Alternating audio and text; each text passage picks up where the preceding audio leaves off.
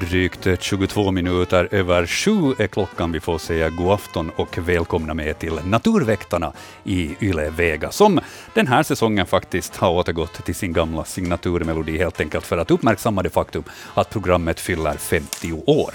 Så därför tar vi oss friheten att köra på så som vi gjorde förr i tiden. Välkomna med allihopa och ett eh, stort välkommen också till våra experter ikväll. Mimma Ekblad och Hans Hästbacka och sen Annika Ljungberg och Risto Salonpää som sköter det tekniska i Böle. Mitt namn är Joakim Lax. Vi håller på fram till klockan 21.00 och ser fram emot alla era frågor om djur och natur. Och det kan jag säga, det har kommit många frågor till dagens sändning. Eh, mer frågor än vad vi har en möjlighet att hinna med, fast vi skulle försöka tala riktigt snabbt. Så förbered er på det att alla frågor hinner vi inte besvara, men vi gör vårt bästa och eh, har ett ordentligt axplock bland de frågorna som har kommit in. Och eh, bland de frågorna så har vi också satt ut bildbloggen på svenska.yle.fi natur. Där hittar ni de bilder som vi åtminstone kommer att ta upp under kvällens sändning. Mimma och Hans, hur har veckan varit med tanke på djur och natur? Har ni varit ute i skogen något? Nu ser vi inte varandra så vi vet inte vem som fick tala. vet du, damerna först. Börja Mimma. Okej, nej, jag har inte gjort någonting spännande den här veckan. Jag måste sitta vid datorn mest hela tiden, så det där, jag har just jämt hunnit ut och paddla på kvällen. Men varmt har det ju varit. Ja, där nere i södra delen av landet så har det ju varit riktigt varmt, men, men så värst varmt har inte varit här i Österbotten i varje fall. Nej, vi har, vi har smultit. Ja, och naturen lika så antagligen. Ja, allting har blommat ut. Som tur kom det där jätteregnet igår, det behövdes nog verkligen. Ja. Hans, har du varit ute i kajak eller någonting liknande? Ja, i gamla träbåten. Ja. Äh, som är svart av tjära sedan många, många år. Så, äh, vi har varit på kärrstugan i Norrnäs i Närpes i tre dagar och, och äh, bland annat gjort en tur i, i utskärgården och konstaterat att äh, grågässorna har mycket ungar i år och de klarar ju klarar sig bra i den här hårda konkurrensen eller hårda kampen om tillvaron som råder i naturen. Eh, några ejderkullar såg vi till och med igår, mm. Eh, ganska nykläckta ungar, eh, så det är säkert sent lagda kullar eller omlagda kullar. Och sen matar ju svartvit flugsnappare och, och andra för fullt på sherrytomten i holkarna. Ja. Full rulle på björktrastungarna och koltrastungarna har hoppat ut förstås, så de satsar på en ny kull. Och likadant med metalltrasten. Mm. Det är livligt nu. Ja, sen är det ju många växter som blommar redan uh, så att säga i förtid, men vi har ju fått tidigare vårar och varmare försomrar, så att det är klart att blommorna reagerar på det. Mm. Annika, då, har du hunnit ut i naturen något under veckan som gått? Jag har inte haft möjlighet att bänka mig vid vattnet, så jag har bänkat mig vid en fläkt. Så det har inte blivit så hemskt mycket natur. Ja, no, har, det, har det kommit något mygg eller liknande då, så att du ens har fått en liten fläkt av naturen? Jag har den turen att jag nu har två familjemedlemmar som är myggmagneter. Det är jätteskönt att sova bredvid dem, för då är det jag som slipper sticken. ja, det är underbart. Man ska ha det bra ordnat för sig. Det fungerar. Eh, själv så har jag, det närmaste jag har kommit naturen så är egentligen det fiskmåsparet som har valt att bygga bo uppe på vårt tak, och eh, de har då fått ungar som i veckan skulle ner från plåttaket, eh, två våningar, och det var ett himla liv kan jag säga, dels innan de där ungarna kom ner, för de här två våningarna. Det var ett rejält hopp de fick ta. Och sen i och med att de då valde att ungefär ett dygn befinna sig mitt på gården och inte röra sig desto mera, så kan jag säga att fiskmåsparet hade fullt sjå med att hålla oss inomhus. Och, och de blev närgångna. Inte så att det tog i, men eh, snudd på. Så att det, det, var, det var en kamp varje gång man skulle iväg någonstans, om det fast bara gällde att gå efter posten. Men man skulle ändå liksom passa på när ungarna hade lite vandrat iväg någon meter från trappan, men där kan man också säga att det var liv i luckan i veckan. Man behöver inte alltid gå så långt för att ha naturen in på en. Det räcker med att få en fiskmåshona som är lätt skärrad, så då har man naturen på 20 centimeters avstånd. Ett tips där, ifall man vill granska fiskmåsarna lite närmare. Nåväl, det om våra naturupplevelser, men det börjar vara dags att eh, få ta del av lyssnarnas naturupplevelser. Och, eh, det kan man skicka in bland annat på natursnabelayle.fi. Det är e-postadressen hit till programmet. Och sen för all del 0611 12 13, det är telefonnumret. Vi kommer att ta våra första samtal om en, säg, tio minuter ungefär. Men vi börjar med att titta till e-posten och bildbloggen, Annika. Patrik skriver som följande. Vi har vår sommarvilla på Kimitoön och på fredagen hittade jag på afton en stubbnorshornsbagge. Detta är den första gången jag hittar en sån och jag är intresserad av insekter och har varit redan över 40 år. Är denna art sällsynt? Och det är så mycket prat om insekter som har blivit mindre i antal. Gäller det alla arter eller finns det arter som har gått ner mycket i antal och vilka har kanske gått upp? Vet ni något om antal eller procenter gällande skalbaggsarter?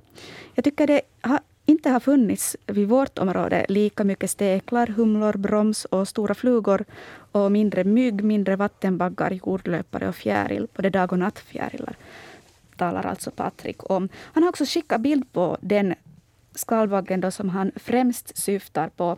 Den bilden finns på eller de bilderna finns på vår bildblogg på svenska.yle.fi natur. Där hittar man fram till till de samlade frågorna som vi ska behandla idag. Och han nämner stubbnoshornsbagge. Det är alltså en stor skalbagge där i varje fall en del av dem har en väldigt präktig, präktigt horn fram på, på skölden. Um, vill du Mimma beskriva närmare hur den här ser ut? Ja, en noshornsbagge är ju alltså en, en, av, en av Europas största skalbaggar. Och hanarna har ett, ett stort horn. De ser nästan ut som noshörningar och därför heter de väl noshornsbaggar. Honorna har också ett horn men det är betydligt mindre.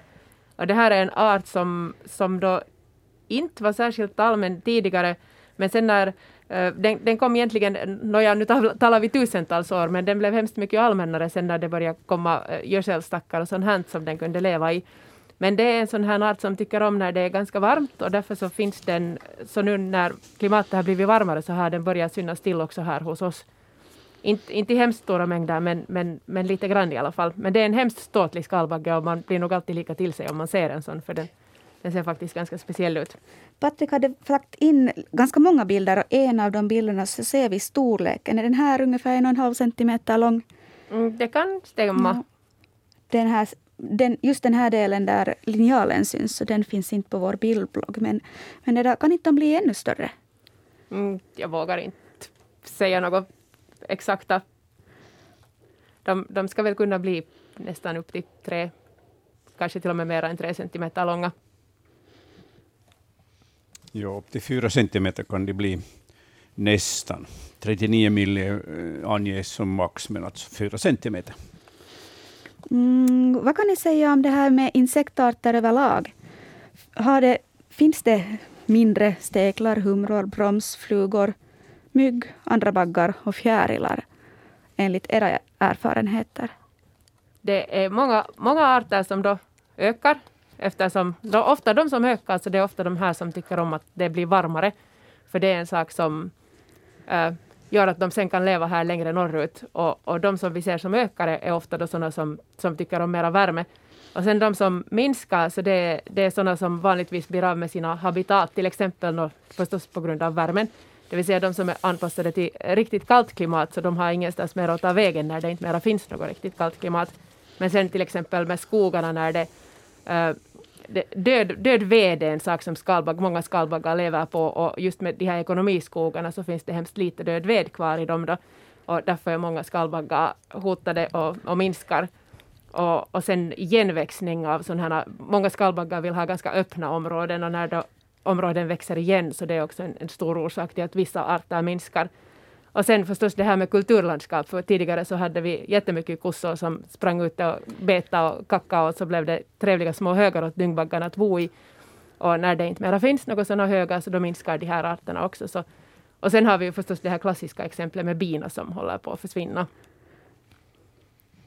Det, det, handlar just om en större helhet, det här med biodiversitetens minskning, det vill säga hur mycket arter det finns och, och på hur många olika ställen finns det av, av vissa arter. Och vi har faktiskt en fråga från Lasse från Kristinestad som, som också gäller mängden olika arter. Så jag tar och fräser på med den frågan till näst. Här finns ingen bild inkluderad, men det här skriver Lasse.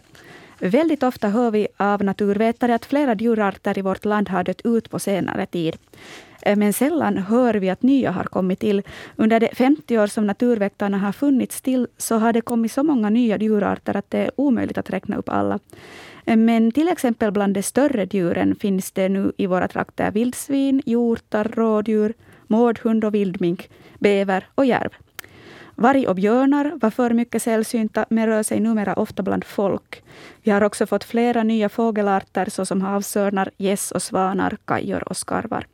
Bland småkrypen dyker älgflugan upp som en otäck nykomling. Listan på utrotade djur blir betydligt kortare eftersom det enda djur som jag kan komma på är cirkuselefanten och arbetshästen. Hur är det riktigt? Har det kommit fler nya arter än vad som har fallit bort, undrar då alltså Lasse från Kristinestad. Vill du Minja börja, Mimma börja kommentera något, något ställe av det här det, meddelandet? Det, det gäller för de här djuren ganska långt samma sak som det gäller för, för insekterna, det vill säga att de som, eh, de som när klimatet blir varmare så är det då flera djur som som klarar av ett varmare klimat som kommer in. Och som vi alla vet så lever det ju flera djur i varmare länder än vad det lever i kallare. Att om man jämför tropikerna med Finland till exempel så är ju artmångfalden liksom hundrafald i tropikerna. Så det, det, är klart att det finns flera arter som nu då har möjlighet att etablera sig här eftersom här blir varmare. Men det betyder att, att den sammanlagda biodiversiteten på jorden minskar eftersom det är då samma arter som kommer in som redan är allmänna här och där. Att det att vi kanske i Finland får flera arter än vad vi har haft. Så, så vi får sådana arter som är vanliga på andra ställen också.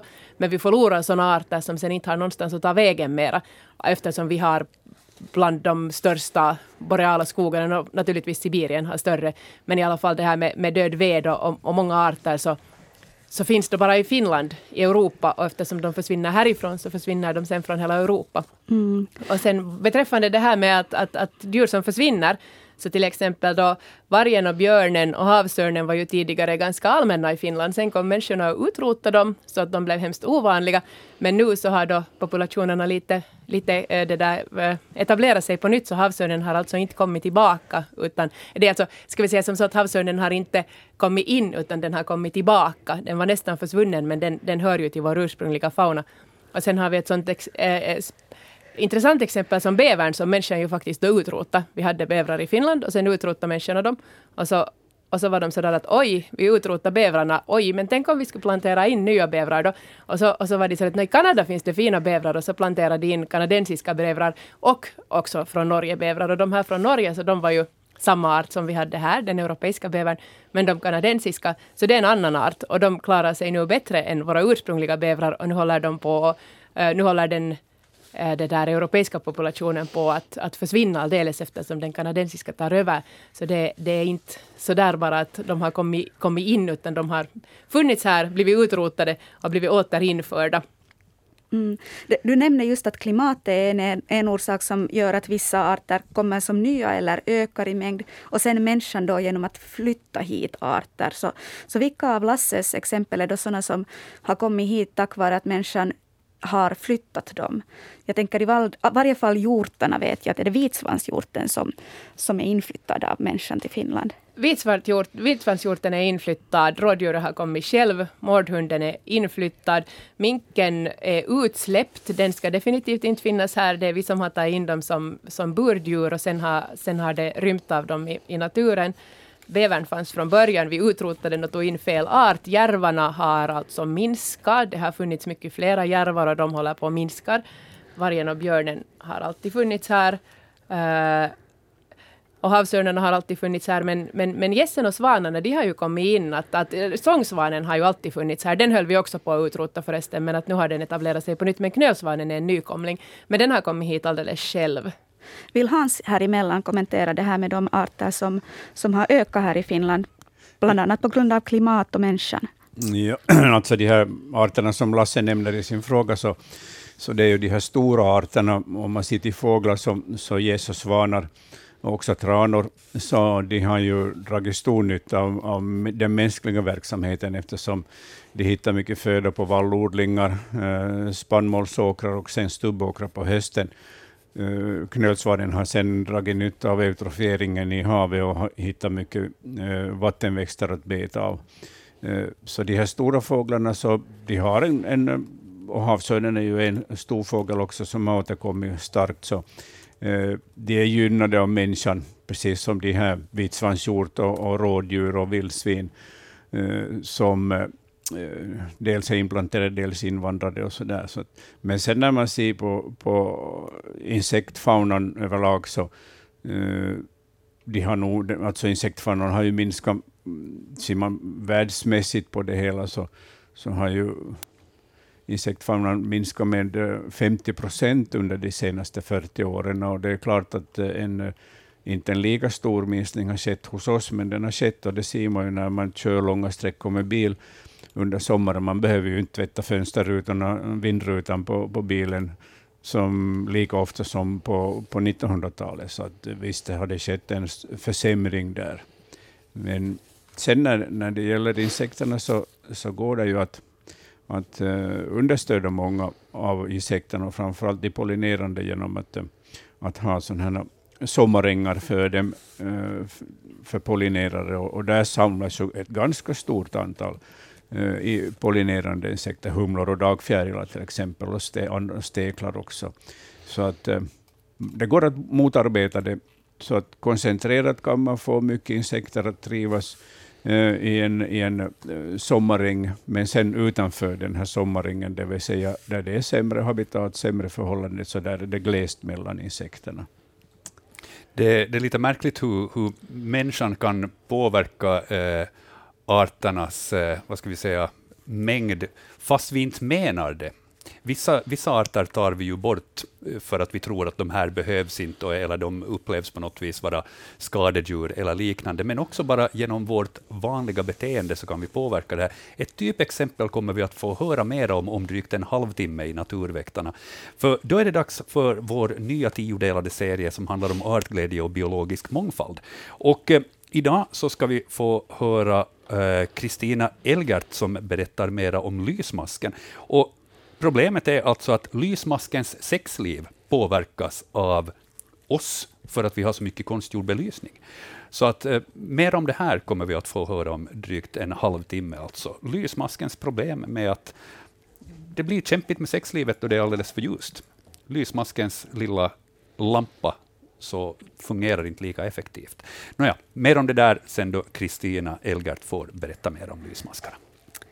Mm, när vi pratade om det här med mängden av arter som har ökat och minskat, så var det någon term som jag var speciellt intresserad av och aldrig riktigt komma ihåg vad, vad betyder vad. Det här med invasiv art, och så talar man om främmande art och så talar man visst om främmande invasiv art.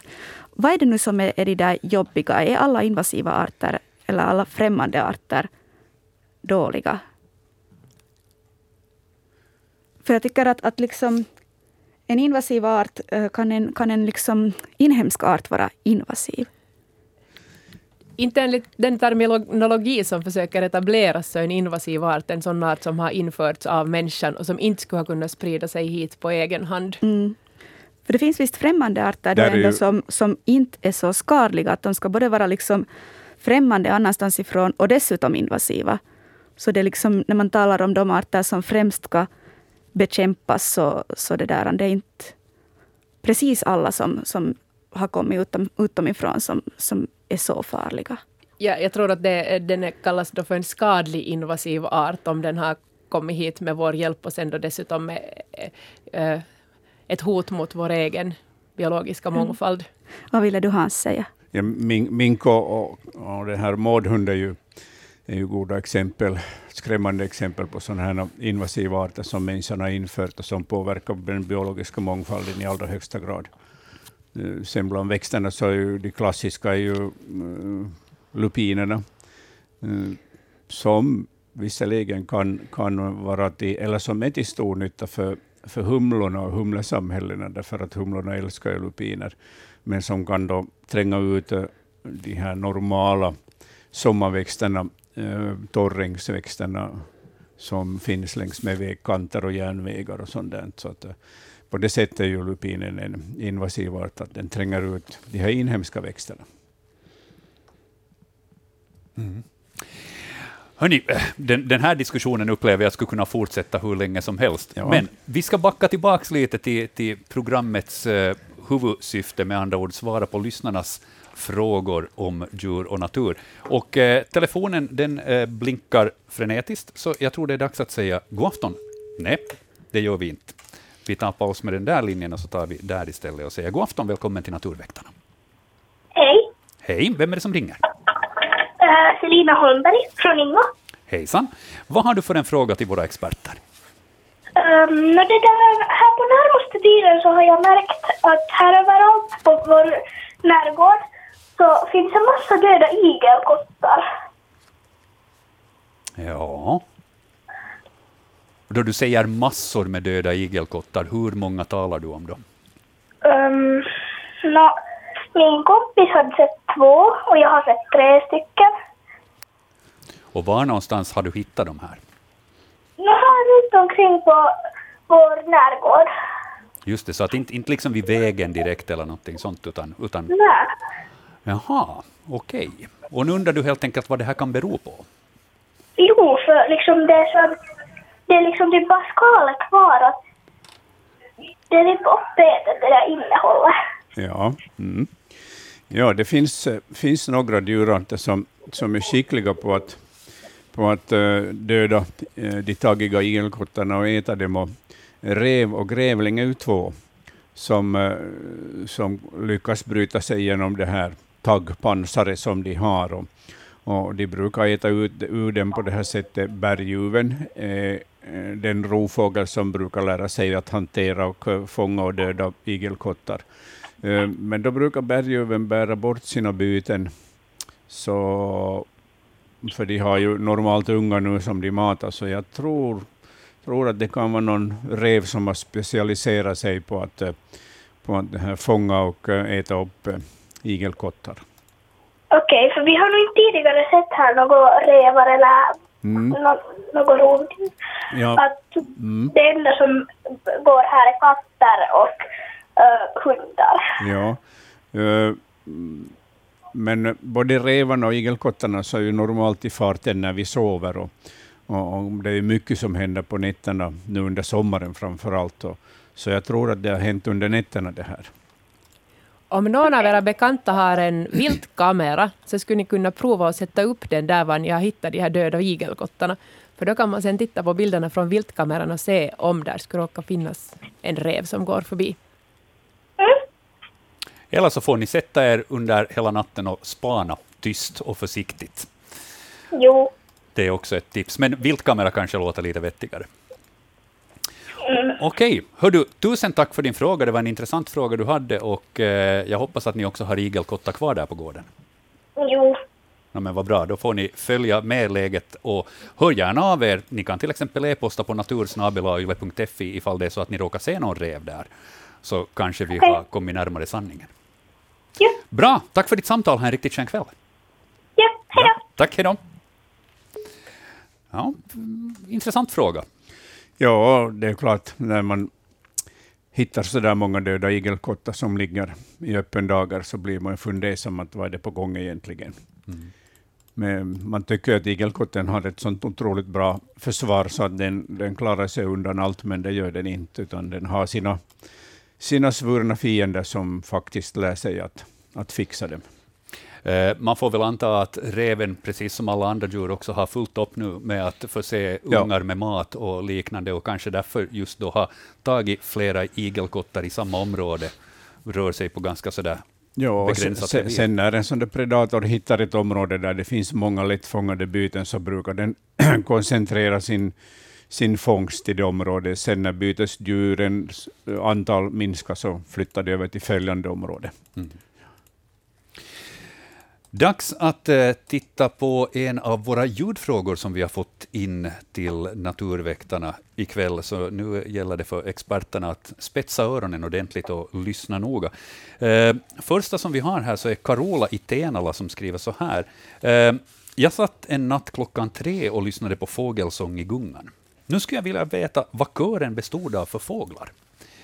Eh, vi har ett en minuts klipp här, så det är bara att eh, börja lyssna.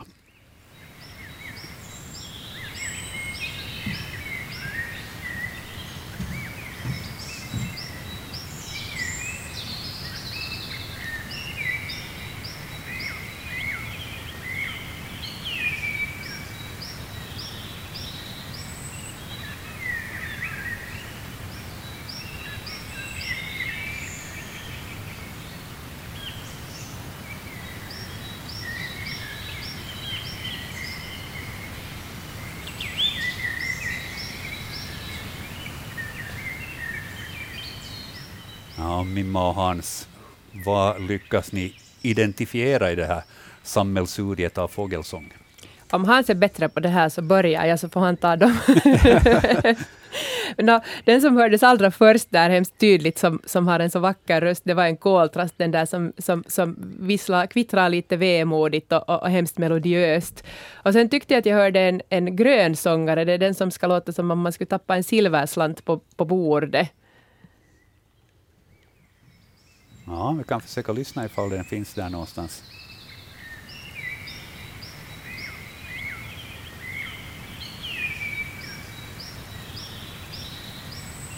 Där kom ett sånt Ja. kvittar. Ja. Men Mm. jag tror att Hans får de här bättre jag.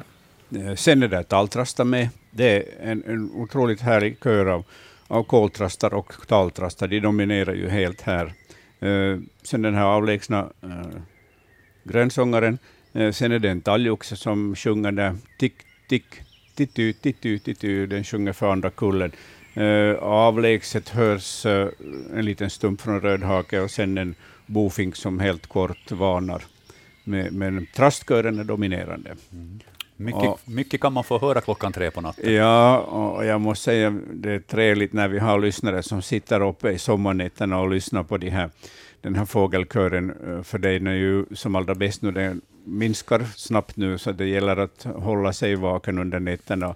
Man kan sova under, under den soligaste och ljusaste dagen och istället vara nattdjur. Ja. För det är på nätterna som allt händer nu. Det är att sitta och lyssna på fåglar och spana efter revar som letar efter igelkottar. Ja, Det är ja. tydligen vårt tips för sommaren. Mm, ja, det är härligt med de här lyssnarna som verkligen tar tillvara de här nät, sommarnätterna och, och lyssnar. Ja. Carola hade en följdfråga här också, eh, som inte hade att göra med det här ljudklippet i sig, men eh, hon har en fråga gällande göken. Hurdant läte har honan? Hur låter gökhonan? Mm, gökhonan har ett bubblande läte. Bubblande, skrattande läte som, som uh, skiljer sig fullständigt från gökhannens kokoande. Så att bubblande skrattande, inte bubblande som att magen är orolig. Jo, nej. Nej. Nej. Bubblande skrattande läte, kan, kan du försöka dig på att härma det? Nej, jag har aldrig lyckats eh, härma det, men det, gökhannarna reagerar direkt på det och kommer flygande. För de vill ju bara se med henne med samma då hon låter höra av sig. Ja. Mimma, har du en aning om hur det låter? Kan du försöka nej, härma det? nej. Men, men, men den finns på det där lintujanäänet.net. Lintujenäänet.net. Gå in på den nätsidan så får ni höra det här bubblande, skrattande ljudet som gökhonan har. Mycket bra. Eh, vi ska ta en till ljudfråga, för vi har fått in ganska många sådana. Vi har eh, en som som Anna har skickat in här, hon skriver Vem kvittrar i linden på lördagsmorgonen? Liten, grågrön och smälter väl in i lindens grönska. Uh, den låter så här.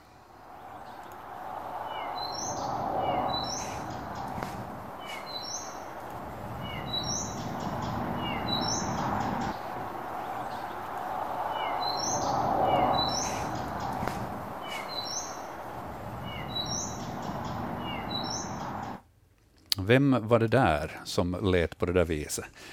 Uh, liten grågrön, smälter väl in i lindens grönska. Den enda som jag kommer att tänka på så är, är talgoxen. Talgoxen kan sjunga på många olika sätt. Uh, helt säker är jag inte, men, men jag känner inte alls igen den här, Mm. den här fågeln, att det skulle kunna vara någon annan art. Men Mm. Mimma, någon tanke? No, no, jag tänker kanske härmsångare. Den kan låta lite hur som helst och den här hade, den var så melo- melodiös. mm, mm. Ja, och den, ifall den då efterapar lite talgoxen, Jo, alltså den, Så. den, den härmar ju många olika arter. ja. Och, och platsen stämmer förstås bra in linden, i lindens grönska, och, och sen att den är grågrön. Det är ju också talgoxen vid det här laget, eller, eller den är ju grågrön, bara man eh, inte ser det här svartvita ansiktet, så då, då kan man ju Mm. eh, ta den för en annan. Men ja, härmsångare. Fast den är ganska ensidig i sin sång. Den brukar inte upprepa, upprepa de här, sina härmningar så här många gånger. Ja. Det här är lite hopklippt, tror jag. Jag har satt Aha. ihop lite kort. Det var, jag har för mig att det här kom i, i två stycken korta klipp.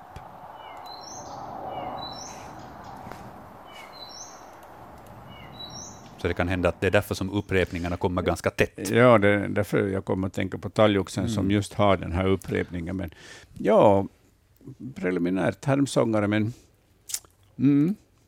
vi kör på det. Ja, det tycker jag. Ja. Mycket bra. Sju minuter i jämn timme i Ylevega. Det är Naturväktarna ni lyssnar på. Experter ikväll, Mimma Ekblad och Hans Hästbacka. Så ifall ni har frågor så går det bra att ställa dem på natursnabelayle.fi eller ringa 0611 12 13 så ska vi försöka besvara så många som möjligt. Det har kommit in väldigt många frågor redan här tidigare. Um, men uh, vi, vi går vidare i e-postkörden, tycker jag, Annika. Vad har vi i bildbloggen som nästa?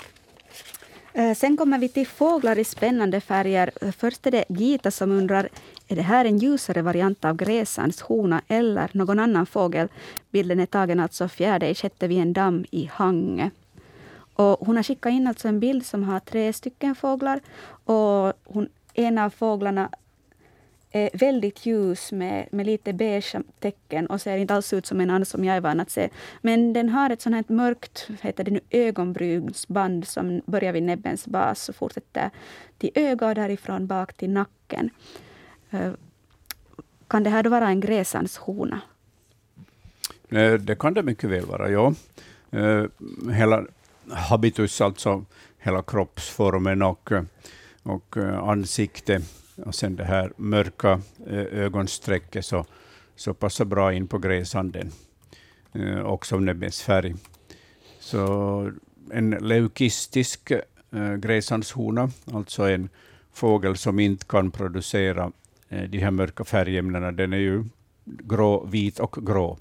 Så här fattas mycket, mycket färger, brunt och svart och, och grönt fattas till största delen. Och eftersom där är en bild på en gräsans hane också, så skulle det mycket väl kunna vara dens partner. Jo, jo, det tror jag att det är. Mm. Det förekommer just sådana här avvikande exemplar och, och, och i sådana här dammar och städer där de är ganska skyddade mot uh, predatorer, duv, duvhök och rev och sånt, så, så brukar de kunna bli ganska mångåriga, de här avvikande exemplaren, som i naturen snabbt eh, bli fångade av, av, av rovdjur av olika slag. Vi hade väl ett par sådana exemplar här i Vasa eh, tidigare under våren? Ja, helvita gräsandshörnar. Ja. Som, eh, eh, det finns här ett eller två exemplar av, och de har redan varit här en par, tre år. Och de tycks klara sig bra. På vintern är det ju bra bra det här skyddsfärgade, men, men nu på sommaren så syns det ju på långt håll, men samtidigt finns det ju en massa fiskmåsar och skrattmåsar i farten, som ju är vita och gråa. Så att. Men jag såg, då vi eh, var i Helsingfors förra veckan, så såg jag en lika helvit gräshandshanne som finns här i Vasa, och den saknade eh, alla andra färger förutom den rätta ögonfärgen. Så det är inte en, en albino utan det är en leukistisk, helt, leukistisk äh, fågel som, som inte kan producera något färgämne. Mm. Så det finns här och var. Vi har några minuter innan det är dags för nyheterna här på den här kanalen, så vi hinner ta ännu en fråga från bildbloggen som också handlar om fåglar och eh, andfåglar. Eh, det är Camilla som har skickat in en bild här och undrar, hej, vem är den mindre andfågeln? Den simmar i vårt träsk i Kyrkslätt. Kan det vara en snattarand? undrar alltså Camilla. Och det kom ett videoklipp med det här också som vi har tittat på. Och eh, bilderna hittar ni på bildbloggen svenska.yla.fi natur. Eh, vad skulle ni säga om den här, det är den här individen som på den stora bilden är längst till vänster, som Camilla är fundersam kring? Jag skulle säga att det är inte en snattarand, den går mera grått. Den här liknar en bläsand, tycker jag. Ja, en bläsandshona. Uh, som går i, i, i rostrött, kan man säga, den där grundfärgen. Sen har den blågrå näbbe och det passar in på bläsanden. Den är ganska knubbig till formatet, medan, uh, medan det här snattaranden så, så liknar mer en gräsand än en, än en bläsand. Och sen har den lite en strimma vitt uh, vid vingarna, medan bläsanden har då en vit vingfläck. Så att, uh, nog är det en bläsans hona. Och snattaranden har ett mycket bra alltså, kännetecken som finns då både på hanen och honan och den har alltså en helsvart rumpa. Så att om man ser en, en andfågel med, med helsvart bak så då, då är det en snattarand. Mm. Mm. Uh, näbbens form och sånt här, det var, är, är den någorlunda lika på, på snattarand och bläsand? Bläsanden har, har kortare och, och uh, mer distinkt näbb, medan, medan då snattaranden har mer en gräsandsliknande näbb. Så att där är nog en skillnad. Och, och, just den här runda kroppsformen också tycker jag att, att skiljer dem åt ganska bra. Mm. Men det var lite småknepigt att, att genast avgöra det här. Det mm. krävde noggrann granskning och just det här stjärtpartiet så var kanske inte så framträdande i de här bilderna, så det var inte... Men, men då man vet så det vad man ska titta efter, så då, då, ja. mm. då köper jag fullständigt eh, er, ert resonemang. så Bläsands hona kan vi konstatera för Camilla där, att det var det som vi såg på bilderna. Och snattarändan har ju annars blivit, blivit vanligare. Den fanns, tidigare fanns den då i Hangötrakten och nu har den etablerat sig också i, i det där Kyrkslätt, Esbo. Mm. Ha, hur är det, har vi snattarand hit norrut? Vi har, men inte alls lika vanligt så att säga som, som nere i Nyland, men visst timmar snattaranden här också. Men minns jag rätt så hade vi eh, en, en fråga om snattarand i fjol med bild där det var flera stycken. Jaha, just det. Mm, så att den är på kommande. Mm.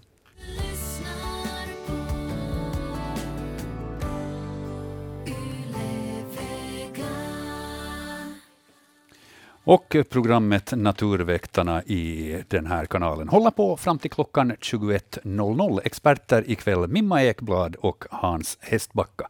Men innan vi släpper fram fler av era frågor om djur och natur och låter våra experter besvara de här frågorna, så ska vi ta en titt på vår nya tiodelade serie om artglädje och biologisk mångfald som ni kommer att få höra här under sommaren.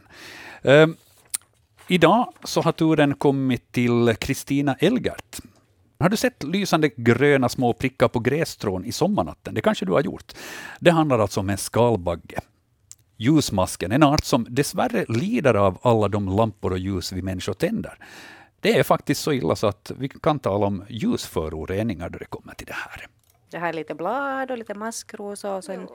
Här har vi en liten larv. De ser ut så här, vad ska man beskriva den? Så här svart larm med lite kanske små orangea prickar på sidorna. Och de här orangea prickarna är väldigt typiskt för de här lysmasklarverna. Mm. Och att det kan, man tänkte att det är antagligen en signal som berättar att ät inte mig för jag smakar illa. Ja, För de Varningsfärger. Ja. ja. den är ganska livlig. Den är ganska livlig, ja, för det här är antagligen en hona som väldigt gärna skulle vilja hitta nu ett bra ställe att lysa på. Den lilla ivriga lysmasken klättrar omkring på Kristina Elgerts hand. Kristina forskar i lysmaskar och förbereder just idag sommarens forskningsprojekt vid Tvärminnets zoologiska station på Hangöudd.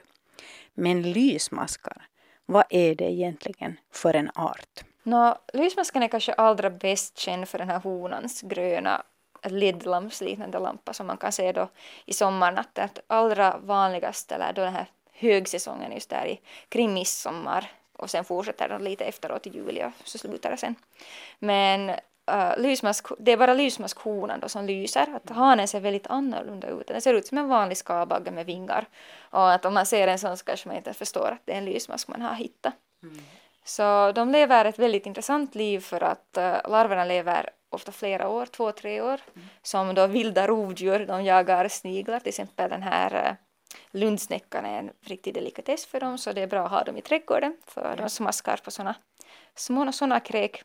Och sen då två, tre år senare så började det vara dags för att bli vuxen.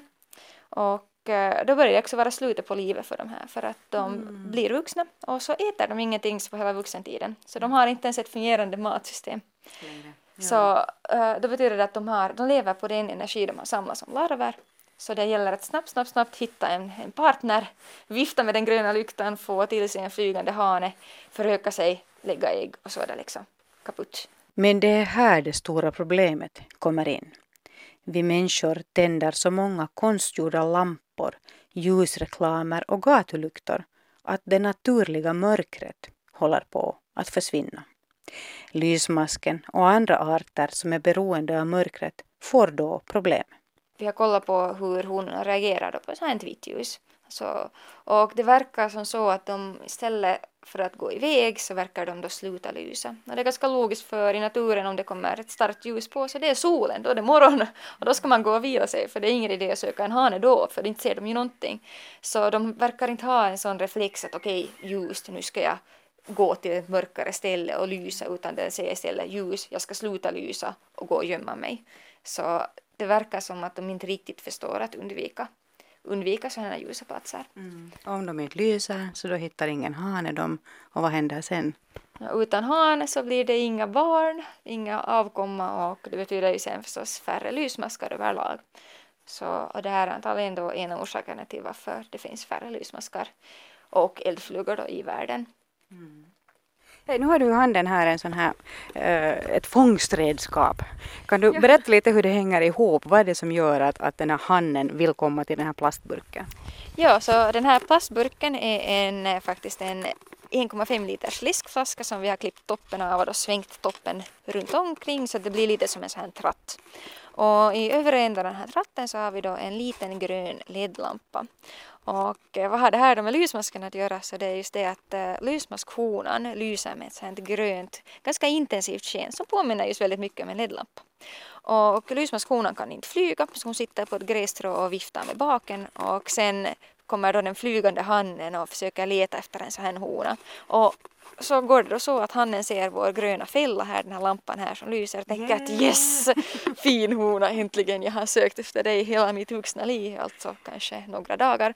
Och äh, landar då här och äh, inser för sent att nu är han i fällan, faller ner då genom tratten och hamnar här i vår uppsamlings på botten. botten ja, och sen så får han sitta där glatt och vänta. Vi människor är så omgivna av ljus hela tiden att det är lätt att glömma bort att i naturen så är det egentligen bara, förutom då solen på dagen, men så på natten så är det bara stjärnorna och månen som är så att säga naturliga ljuskällor. Mm. Och det är alltid det när man pratar om naturen och eh, ekosystem och sånt så att det är alltid en sån kedjereaktion för allting är det hänger samman med allt annat. Så om en art försvinner eller minskar så ökar kanske någon annan. Och man vet aldrig riktigt vad som sen kommer att hända längre ner i den här kedjan. Precis. Och mitt fokus har speciellt varit på ljusföroreningar och inte bara för då lysmaskarnas skull men egentligen för alla arter som behöver mörker på något sätt. Mm, lysmasken är bara ett exempel på djur som behöver mörker på det viset. Vill du eh, spana efter lysmask så lär det vara bästa tiden att göra det just nu. Och är det så att du gör lysmasksobservationer så då kan man gå in på någonting som heter Lysmaskkollen. Leta efter det på nätet. Adressen är lysmaskkollen.wordpress.com, men enklare kanske om du letar efter Lysmaskkollen, så dyker den upp. Där kan man göra sina egna lysmasksobservationer och rapportera dem. Ilse Klockars var det som hade talat med eh, Kristina Elgert. Nästa vecka i den här samma serien om artglädje så då kommer vi att få höra Mattias Kankos som talar om björnens styrkebesked. Det talas om skrapmärken och knäckta träd och liknande. För björnen, den är stark den. Mer om det där alltså nästa vecka i Naturväktarna. Jag var här tidigare inne på att eh, det går bra att skicka brev och paket och liknande till våra experter här på Naturväktarna. Och eh, visst, vi har fått eh, paket till den här veckan.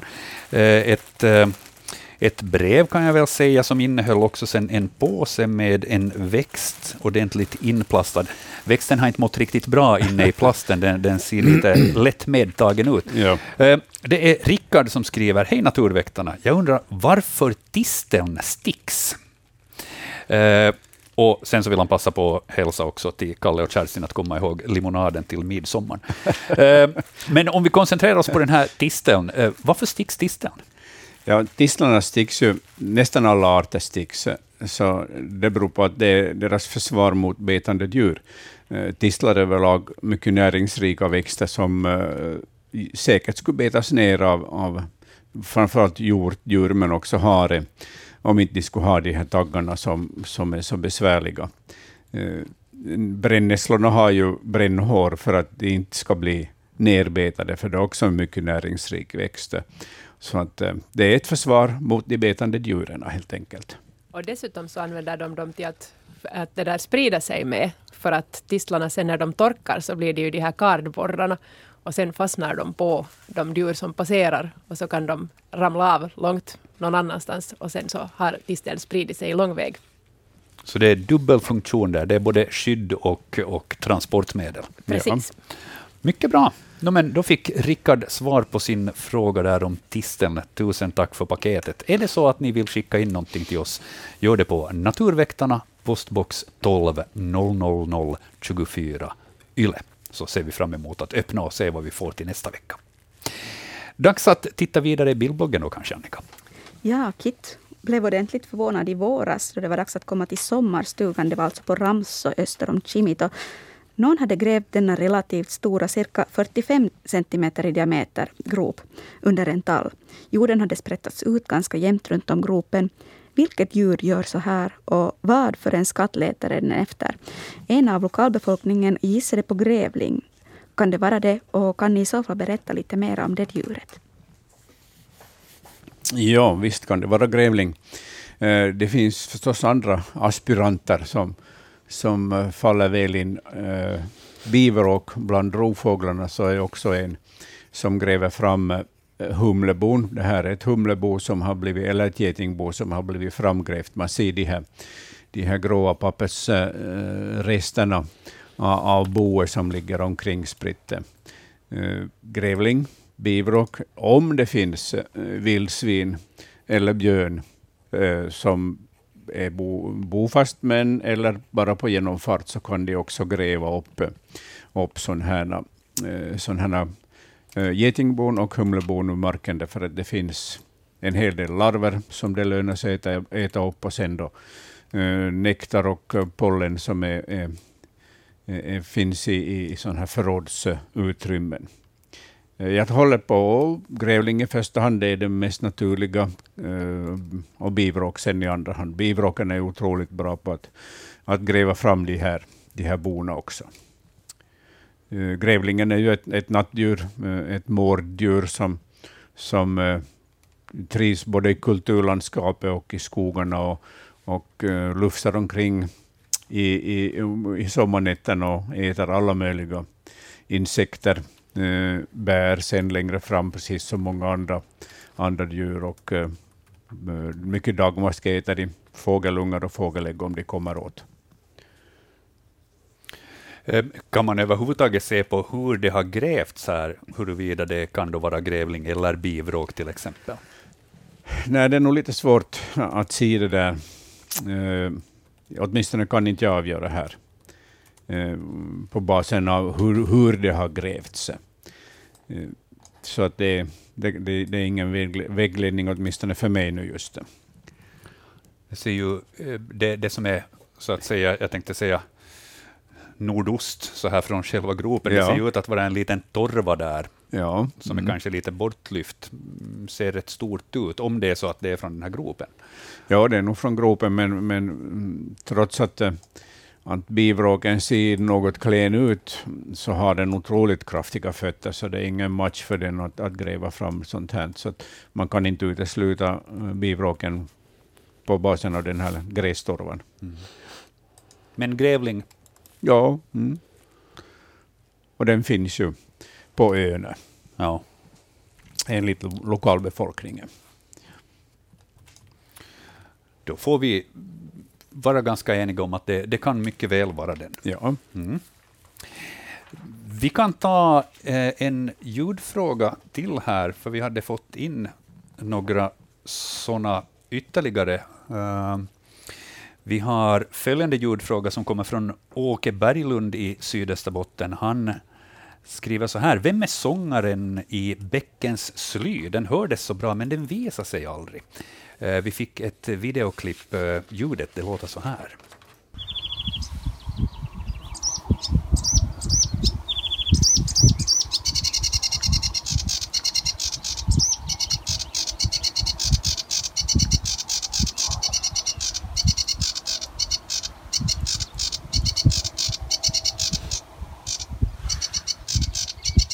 Det låter som att det är någon som är lätt irriterad. Ja, Ja, jag kommer närmast att tänka på sävsångaren här. Det är nog vad jag tänker också. Ja. Mm. Den häckar ju normalt i, i vassar längs med stränderna, men har också flyttat upp på land och, häckar i täta buskagen nu för tiden. Uh, sedan ganska många år tillbaka förresten. Så att sävsångaren, uh, de här kärrade lätena är, är, typiska för, för sävsångaren. En ganska lugn, lugn och, och betänksam sång.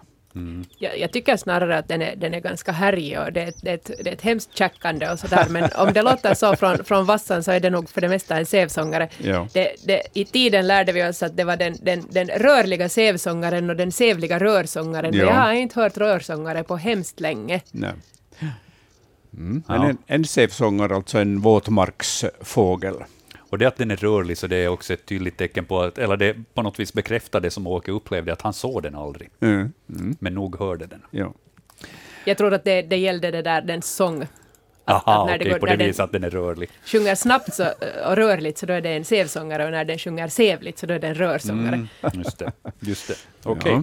Ja. Um, sen så har vi en till ljudfråga som vi också kan ta. Det är Bernt som har traskat omkring på Jormo på onsdagen och hörde den här fantastiska fågelsången och han undrar ifall vi känner igen den.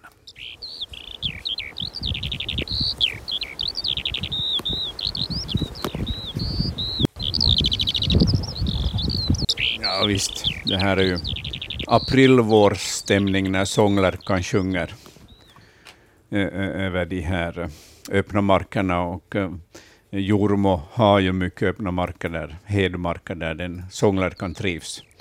Den sjunger redan för andra kullen, för andra häckningen, den här sånglärkan.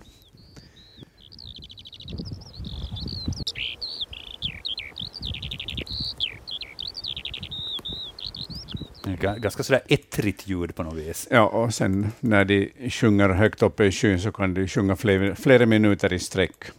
Och det är ju en ganska fantastisk prestation. Mm. Hörni, eh, tusen tack för de här ljudklippen som vi har fått in för den här veckan. Det är alltid lika roligt att få spela upp era ljudfrågor, för det brukar vara spännande att se på, på hur ögonbrynen eh, rör på sig för experterna medan de lyssnar, för att det gäller att lyssna noga. Vi hade typ exempel på det här längre klippet som vi hade tidigare idag, då det var många fåglar som man skulle försöka urskilja där. Alltid lika roligt. Tusen tack för dem. Um, vi kan titta vidare i bildbloggen, Annika. Ja, det kommer en bild från Elise som har en liten humla på som håller på att landa på en lupin. Vi nämnde just att lupinen var en, liten, en främmande invasiv art, men humlor gillar dem. Och Elise undrar alltså, vad är det röda under humlan på bilden? Jag ser inte riktigt var det hänger fast, antagligen då på benen.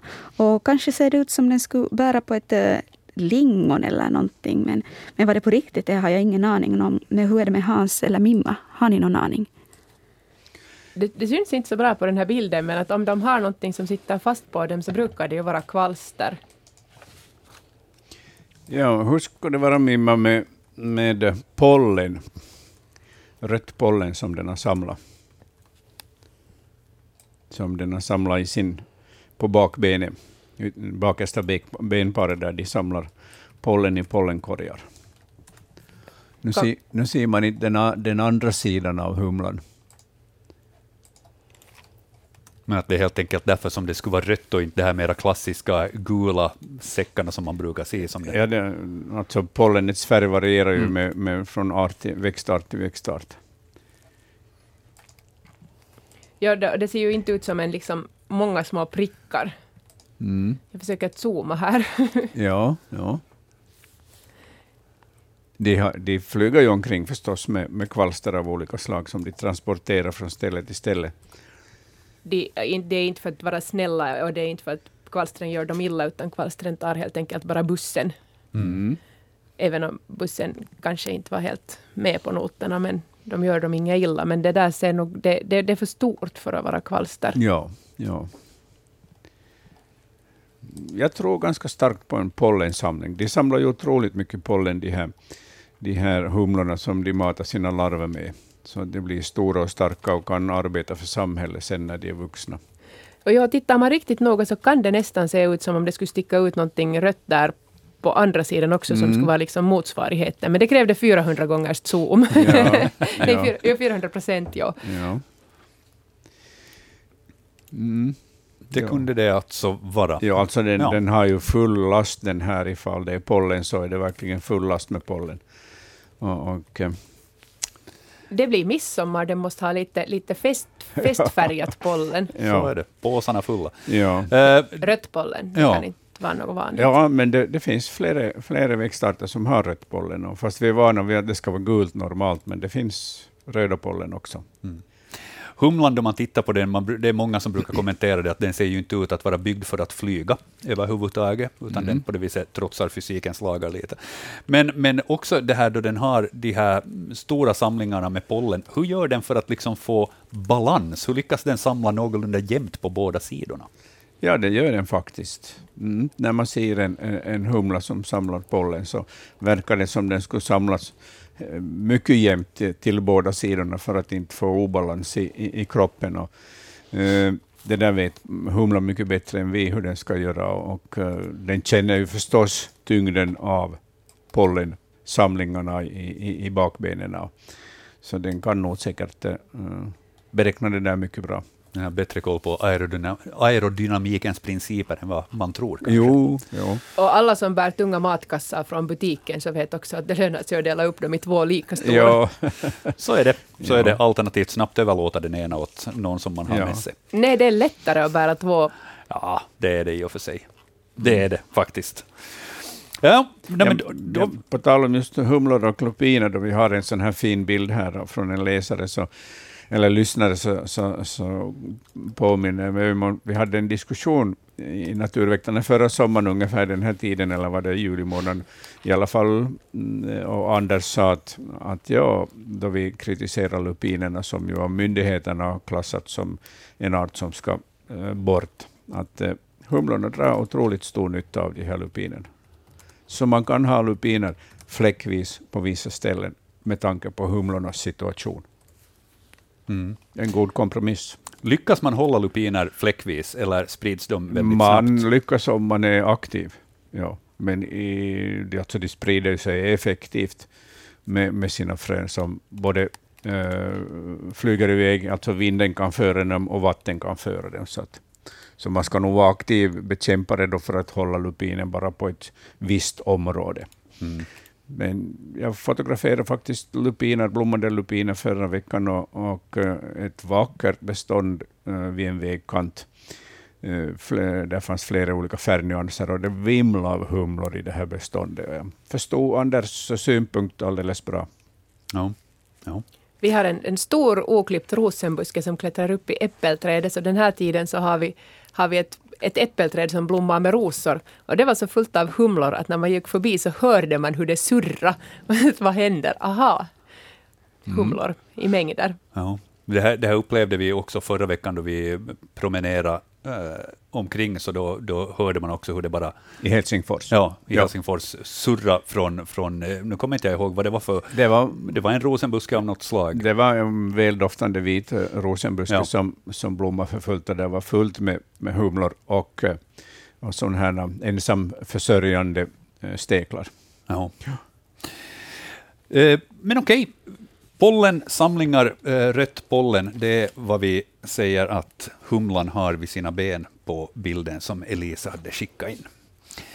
Om ni vill kontakta oss per telefon under den här sändningen, vi har 35 minuter kvar, så ring för all del 0611 12 13 ifall vi får någon som snabbt nu ringer på det här telefonnumret, så då kan vi ta in det samtalet. I övrigt så får vi titta vidare i bildbloggen helt enkelt och se vad som är nästa fråga.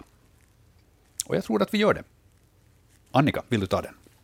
Ja, nu har vi Caritas fråga. Bild på någonting som jag tyckte först att är det en, en naken katt eller någonting. Naken är den nog, men det här ska alltså vara en ekorrunge.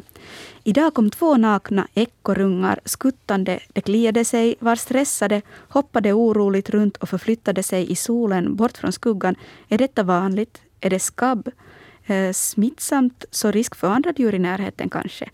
Är det alltså nakna ekorrar Carita har fotograferat? Det blev en tystnad. Ja, det vill Mimma ta den här eller Hans? Vi, vi kan spekulera tror Ja. jag, för, för de, ekorrungar föds ju nog nakna, men det där, de ska nog ha, de får ganska fort päls och de brukar inte komma bort från boet så länge de är nakna. Och, och bilder på riktigt nyfödda ekorrar så brukar de ha liksom, öronen brukar inte stå upp så här mycket. Så, så lite undrar jag nog vad som har hänt här. Men kan det vara något annat än ekorre kan vi slå fast att det nog är, är ekorre det här. ja, jag hittar inte några andra djur som skulle passa in på det här. Nej, min tanke var fladdermus, men den, Ja. har inte där, den har inte där flyg... Nej, eh, den har ingen flyghud. Det här är nog just Nej. så som jag skulle kunna tänka mig att, en ekorre skulle se ut. Den har ju skulle väldigt lång svans också för att vara en fladdermus, tänker jag. ja. Så, så det, det, det är jag också helt med på att stryka, trots att jag har noll kunskap inom området, men det är någonting där som sticker ut. Um, Nakenheten beror antingen på skabb eller en genetisk, alltså en ärftlig, äh, ärftlig sjukdom för, för det här nakenhet. Och då- någon, annan, någon annan förklaring kan jag inte komma på, nej. för de ska inte vara nakna i det här stadiet. De ska nog ha full, full det här, en hårbeläggning på sig, ekorrungarna. Ja.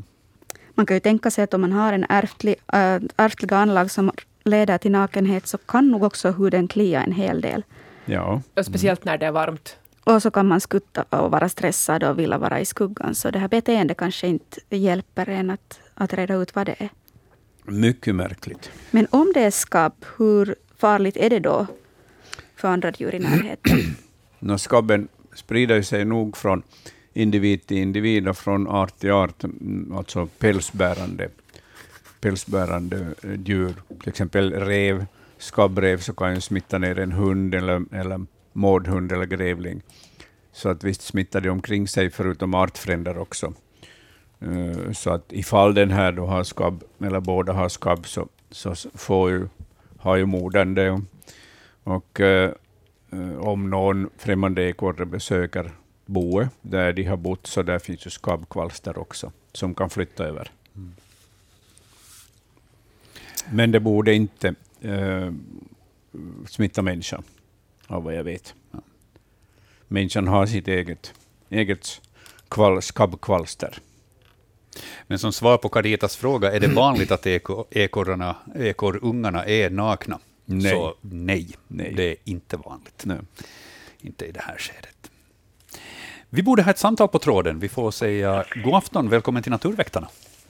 God afton, tack. Det här är Gun som ringer från stugan i trakten av Ekenäs. Ja, Och jag upplevde för några dagar sedan några sekunders fågeldramatik som jag inte förstår mig på.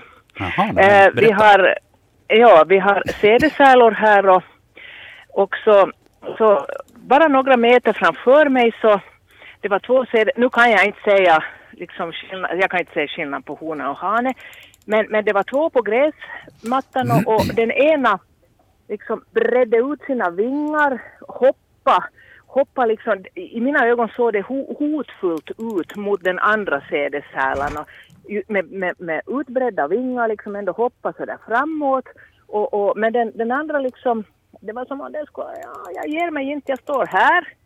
Och då kommer en sparv flygande så liksom, som om den skulle donka till huvudet på den, på den här som då så att säga blev attackerad eller vad det nu var. Och, och, och då for den iväg. Ja. Det här var och, nog... jag tyckte det var lite märkligt. Eh, det här var nog en sädesärlshanne som uppvaktade sin hona. De brukar breda, Okej. breda ut sin, sina vingar och sin stjärt för att visa, visa färgteckningarna och eh, hur, ståtliga fjäder, fjä, hur ståtlig fjäderdräkt de har. Så det var en, en uppvaktande sädesärlshanne eh, Okej. som nu satsar på följande, följande kull. De kan ju ha två kullar per, per sommar eller häckningsperiod. Och, och speciellt i södra Finland så är ju den första sädesärls, de första sädesärlsungarna flygfärdiga och självständiga vid det här laget och då satsar föräldrafåglarna på en kull till. Okej. Den här gråsparven sen som, som attackerade den här honan som blev uppvaktad, ja. så det var bara en avundsjuk gråsparv som, som ville blanda sig. De brukar ju vara ganska trätgiriga de här gråsparvarna och också pilfinkarna när det gäller sådana här parningsbeteenden. Okej. Eller så spelar de quidditch. Jag tror mera på Hans i det här fallet, förlåt Mimma. Men äh, den här sparven så den har bo och, och matar Ja. sina ungar. Mm. Så, eh, Möjligtvis. Varför har den orsak att vara avundsjuk då? då? Nej, möjligtvis så kan det ju vara ett revirbeteende också från, från sparvens sida, att, gråsparvens sida, att, att den inte vill ha sädesällan eh, häckande allt för nära sig och sitt bo. För sädesällarna häckar ju, häckar ju gärna i håligheter av olika slag, bland annat i hus. Och, och kanske sparven vill ha huset för sig själv. Okej, just så. Mm. Nåja, då har jag fått svar på det. Men lite intressant var det nog att se det där. Ja, visst, ja. ja. Utan vidare, vilken Ja. dramatik. Ja, verkligen. Alltså. Tack ska ni ha. Hörru, tusen tack. Ha en skön kväll och en skön midsommar. Bra. Tack. Tack, hej då. Hej, hej. Hej. Ja, eh, fler samtal hinner vi eventuellt här under sändningen 0611 12 13, men det är dags igen att eh, titta vidare i bildbloggen. Annika. Mhm. Ann har en grå flugsnappare som lagt sitt bo i uteköket. Hon skriver att honan har legat där i över tre veckor. Hon flyger bort så fort vi kommer nära och vi har inte sett till någon hane som skulle ha matat henne. Hur länge tar det innan honan inser att det inte blir några ungar? Är det så att det är kört för de här äggen redan? Eh, ja, det är det nog. Eh, det De ruvar två veckor och så ska äggen kläckas. Så det här är nog, den har tyvärr varit för nervös av sig och flugit för bort, bort för många gånger från äggen för att de ska kunna utvecklas. Så att de är nog döda, de här äggen, och blir rötägg eller är rötägg vid det här laget. Och, och, och eh, det kan hända att hon ligger en vecka till och, och sen avtar den här ruvningsinstinkten och så lämnar hon boet. Eh, det är ju synd förstås på, på den grå flugsnapparen. eh, Hon kommer troligtvis inte att häcka på nytt i år. Inte. Många f- fåglar försöker ju med en till kull, men du menar Ja. att i det här fallet så kan det vara kört. Normalt så häckar ju grå flugsnapparen en gång per häckningssäsong, precis som svartvita flugsnapparen. De har ju så pass lång flyttningsväg till och från tropiska Afrika. De ska hinna med allt möjligt annat också, förutom häckningen. Eh, Så att nog är det kört för den här flugsnapparen. Mm. Här är annars intressant, förutom att hon har de här natur, att de här, det här boet är byggt av, av naturligt eh, material, torrt gräs och där, så finns det också såna tunna, tunna plastremsor som, som hon har bundit samman boets väggar med, så att fåglar använder allt möjligt som människan slänger omkring sig. Ja, det är lite modernare inredning här Det är lite modernare inredning, ja. Sen här också de här obligatoriska dunen som, som många fåglar gärna sätter i sitt bo i inre delen av boet för att ungarna ska ha det varmt och skönt när de kläcks. Hur länge ta, kan en ruvning vara för, för olika arter? Vad är maximi? Till exempel har Tage för en månad sedan eh, märkt att en skrake har bott under utedasset och senare hitta 8-9 okläckta ägg som då alltså antagligen redan efter en månad kan tas bort. Ja, no, småfåglarna, det är ju normalt med två veckor för, för småfåglar. Eh, mm, storskraken skulle den ruva en månad. Och, och sen när det går över så då, då, den tiden, så då vet man att det är misslyckat. Ja. Eh, en månad ruvar storskrakehonan och, och sen om det har gått, gått 40 dygn eller så där, så då vet man att att det, det är förstört. Men den börjar ju ruva först när alla ägg är lagda. Inte från första ägget, utan det lägger först till exempel tio ägg, som är ganska normalt för en, för en välmående storskrakhona. Och, och sen ruvar den från sista ägget framåt då en månad. Då kan Tage ännu ta och vänta en liten stund Jo, innan, jo, jo. innan äggen tas bort. Visst, visst. Mm. Eh, I det här fallet eh, som vi hade här, eh, bilden som man hade skickat in med den grå flugsnapparen och äggen som inte blir till någonting. Eh, sådana här rötägg, blir de sen till mat åt andra eller är det så att det... Det så- finns alltid någon som äter upp dem. Ja. Ja. Det kan vara talgoxar som äter upp de här äggen. Till exempel talgoxen är otroligt nyfiken av sig. Och, och den brukar ju gå in i, i skrakholkar och, och knipholkar på hösten och, och äta upp eventuella rötägg som finns kvar där. Och det kan förstås gå upp i, in i ett sånt här öppet bo också och äta upp det. Sen kan ju en skata upptäcka det och plocka i sig de här äggen, så det finns många som, som gärna äter ägg. Mm. 0611 12 13 det är telefonnumret ni kan ringa in ifall det är så att ni vill ställa en fråga till Mimma eller Hans här under den här kvällens sändning. Eh, 0611 12 13 och vi har någon som eh, är på telefonen väldigt snabbt, så vi säger god afton. Vem är det som ringer? Det är Cirka från Uleåborg. Hejsan. Hej Cirka. Vad har Hej. du för en fråga till våra experter? Jag har inte eh, någon fråga nu. Jag har många frågor. Men jag måste säga att jag tycker så mycket om er, eran, eh, program. Ja, men, vad roligt att höra. Ja, och så, och så därför just att jag tycker, tycker er alla, jag vill önska god midsommar er alla. Detsamma Cirka. Tusen tack för den vänliga hälsningen. Du ska ha en riktigt skön midsommar du också. Tack, tack, tack. Och jag ska ringa någon gång och ja, då har jag också frågor. Passar utmärkt. Du är välkommen att ringa på nytt. ja, tack. Tack ska du ha. Ha en riktigt skön kväll. Tack, tack hejsan. Hej. Hej, hej. Ja, eh, trevligt. Eh, vi har en till lyssnare som ringer. Vi säger god afton. Välkommen till Naturväktarna. God afton. Det är Leif från Västanfjärd. Hej Leif. Vad har du för en fråga till våra experter? No, det är inte riktigt så aktuellt nu. Det var, det, ni pratade senast om mårdhundar mycket så tänkte jag ska passa på nu jag också som jag så länge tänkt fråga om. Ja. Och det, det blir nog här som jag första gången blev bekant med det där. Så det blir tre år i höst nu det som, som jag hade. Två framför trappan, två sådana ungar. Eller vad ska vi säga, är det, är det valpar eller hund, ungar som man pratar om, mårdhundsungar? Ja, vad säger man? Valpar. Är det valpar? Jo. Jaha, no, det var det. Men en, sen så, de var här nog ganska mycket, det fanns mycket äppel då den hösten då.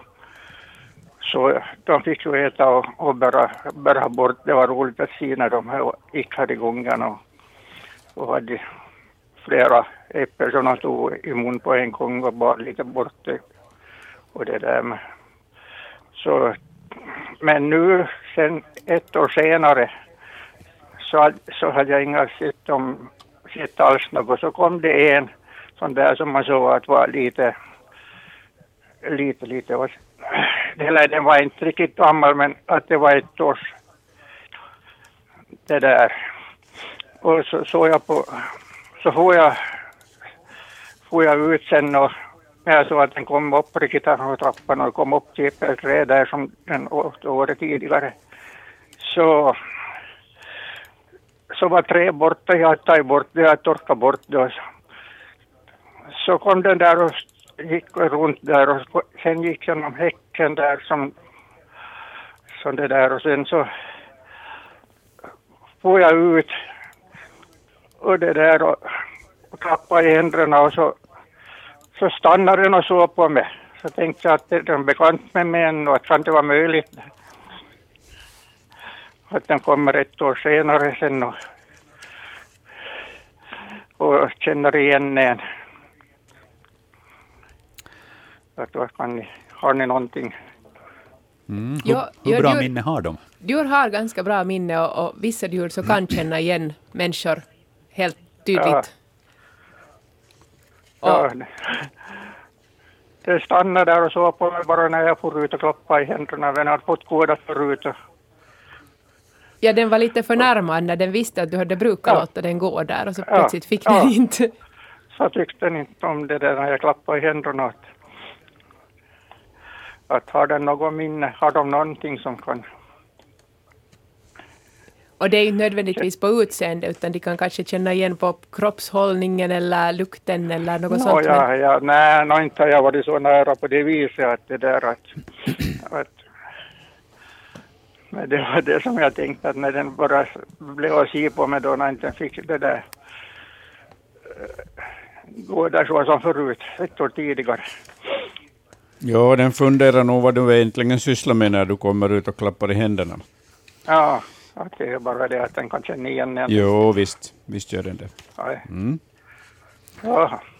Fåglar åtminstone kan väl vara rätt duktiga på just att känna igen folk. Åtminstone så upplever jag att fiskmåsarna som jag nämnde här tidigare, de, de verkar vara mycket mer ampra mot mig än mot någon annan på gården av någon orsak.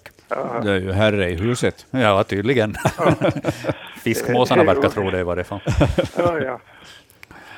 Ja, men då, då, du har skaffat en bekant där, med andra ord ja, inte har jag nog sett den nog här i år inte.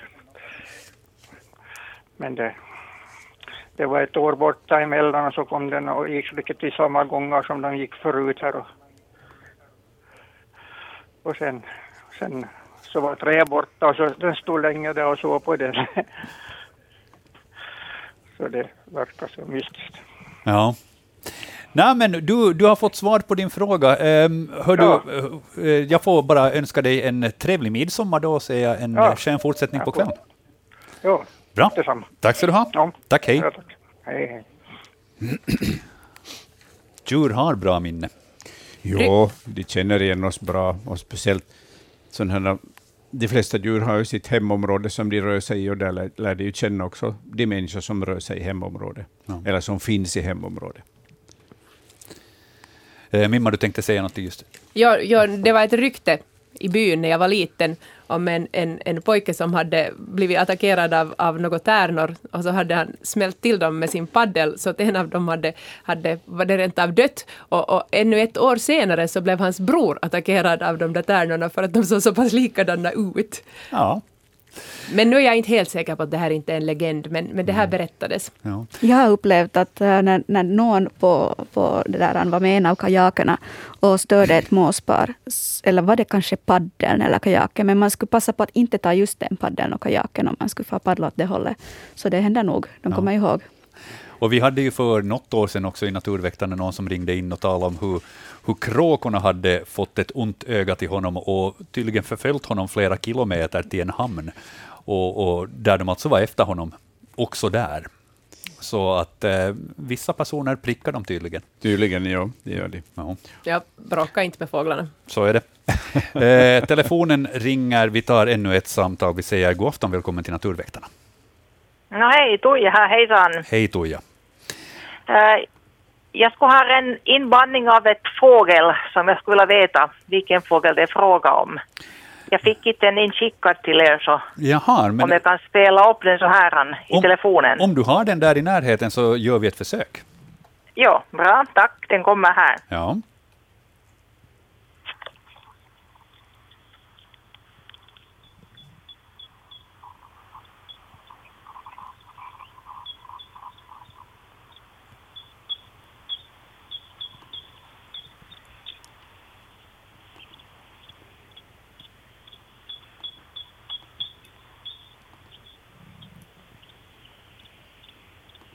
Det hörs väldigt svagt, eh, Tuija. Är det, är det så att du kan öka volymen på något vis? Så, så No, jag har ett på max.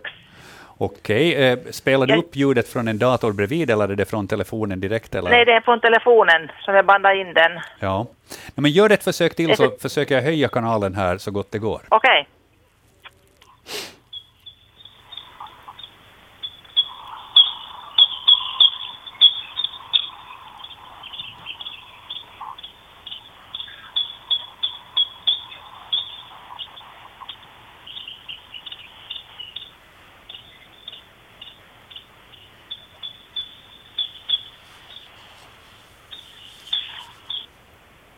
Nåja, Vågar vi oss på någon gissning? Det var svårt kan jag säga så här via telefonen att, att höra. Det är Ja. mycket nyanser och sånt som faller bort. Men eh, min jo, ma- den har två olika, olika det är titt ut, titt ut, titt ut.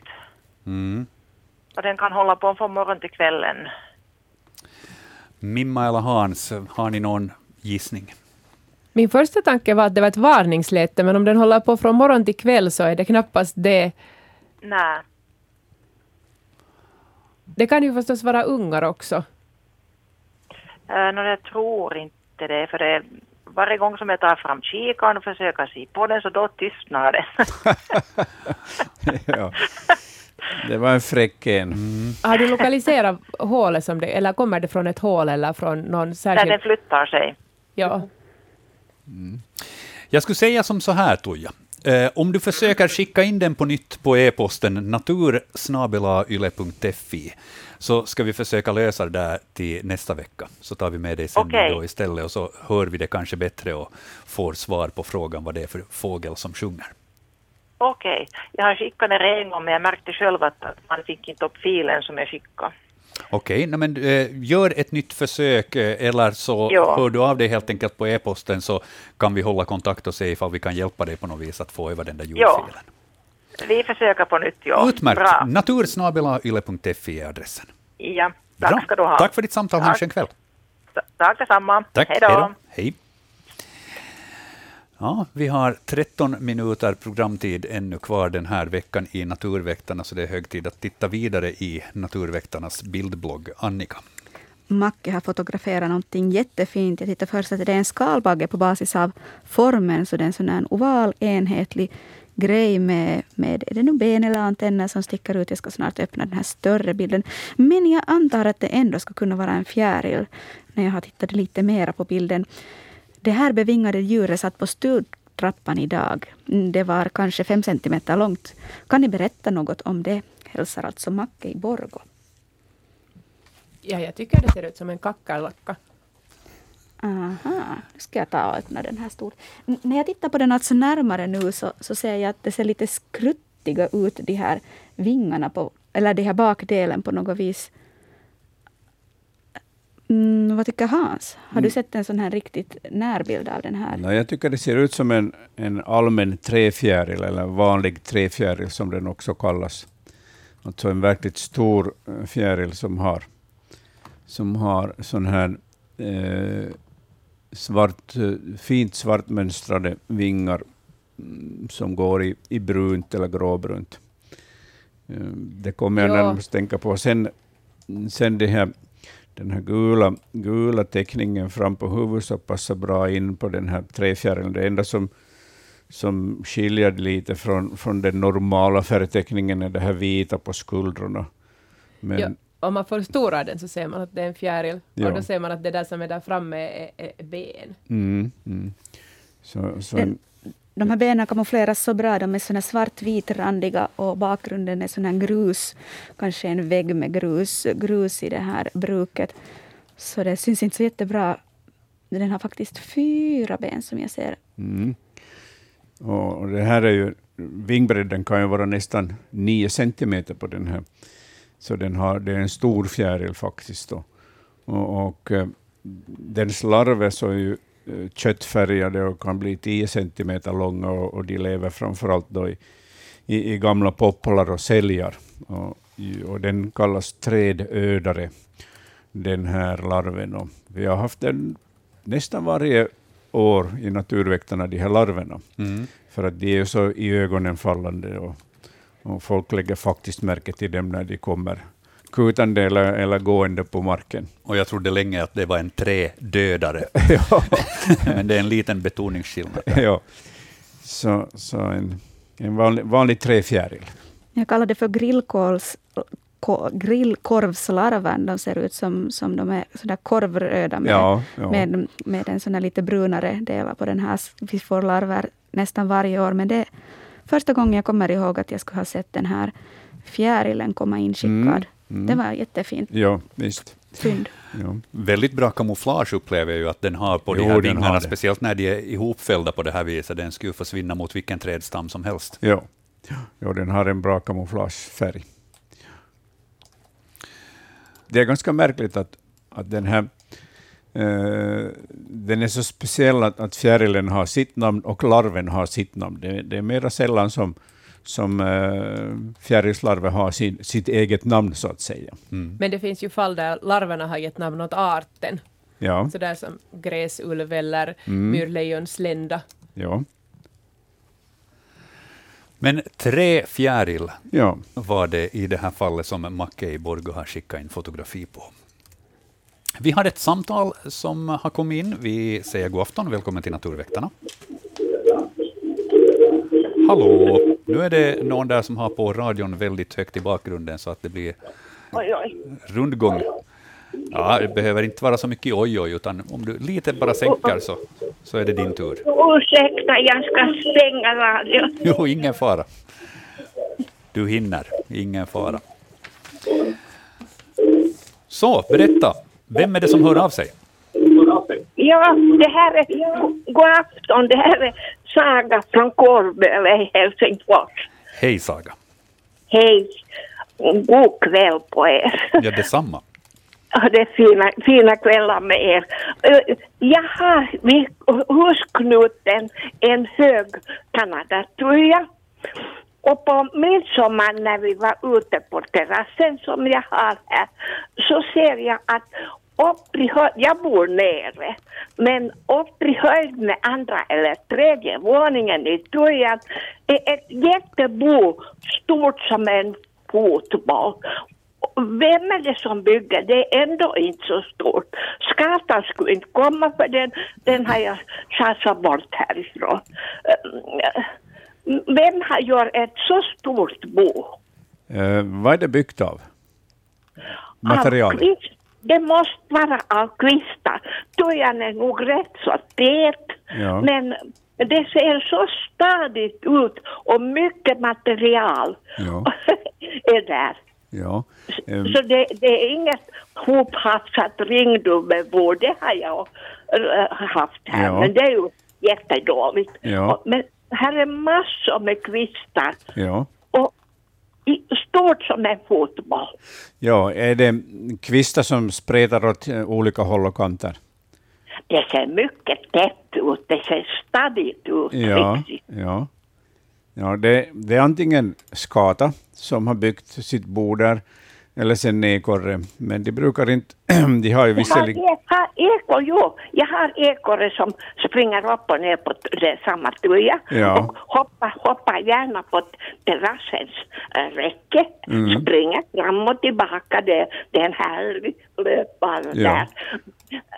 Så, Men så att om, om, du är, om du är säker på att där inte finns någon skata, så då de är bara ekorren det följande alternativet som finns. Så de bygger ju sådana runda fotbollsstora bon som de, mm, de använder mycket kvistar förstås och sen mossa som inredning och i, i bebyggelsen så saknar de ju skägglav så de måste använda gräs och sånt där som isolering. Så att, så att vi... Men inga ungar har jag sett i Ja. år. Mm.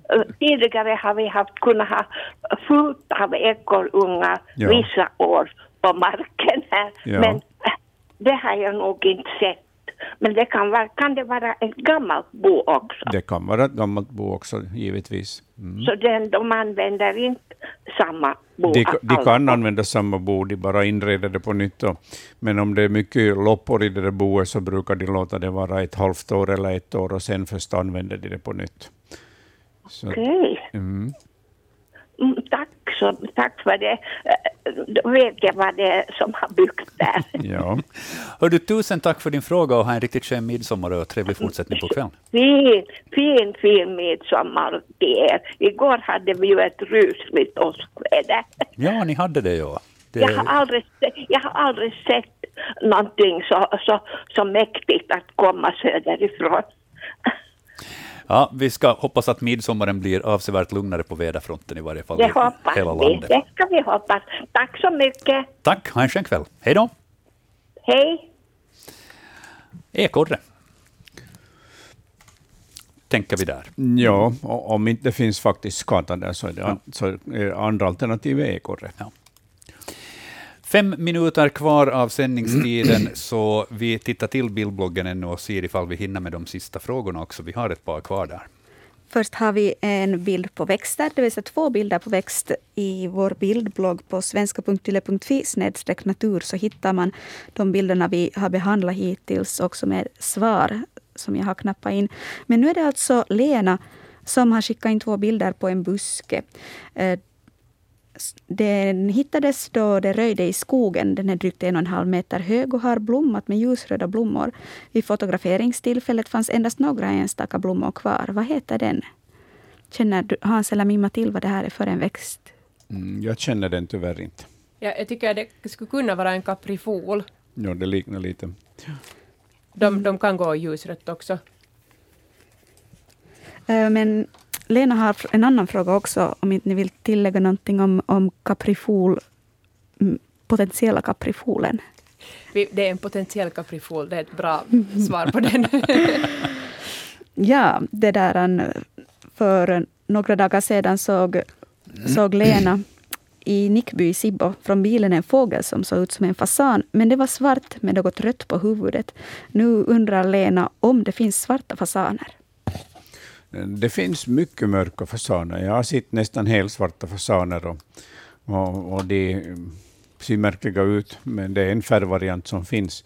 Det Ett, om inte det är en fasan så är det en orrtupp med, med de har ju röda ögonbryn, så att, så att det här, de här två alternativen finns. En mörk fasantupp eller en orrtupp. Mm.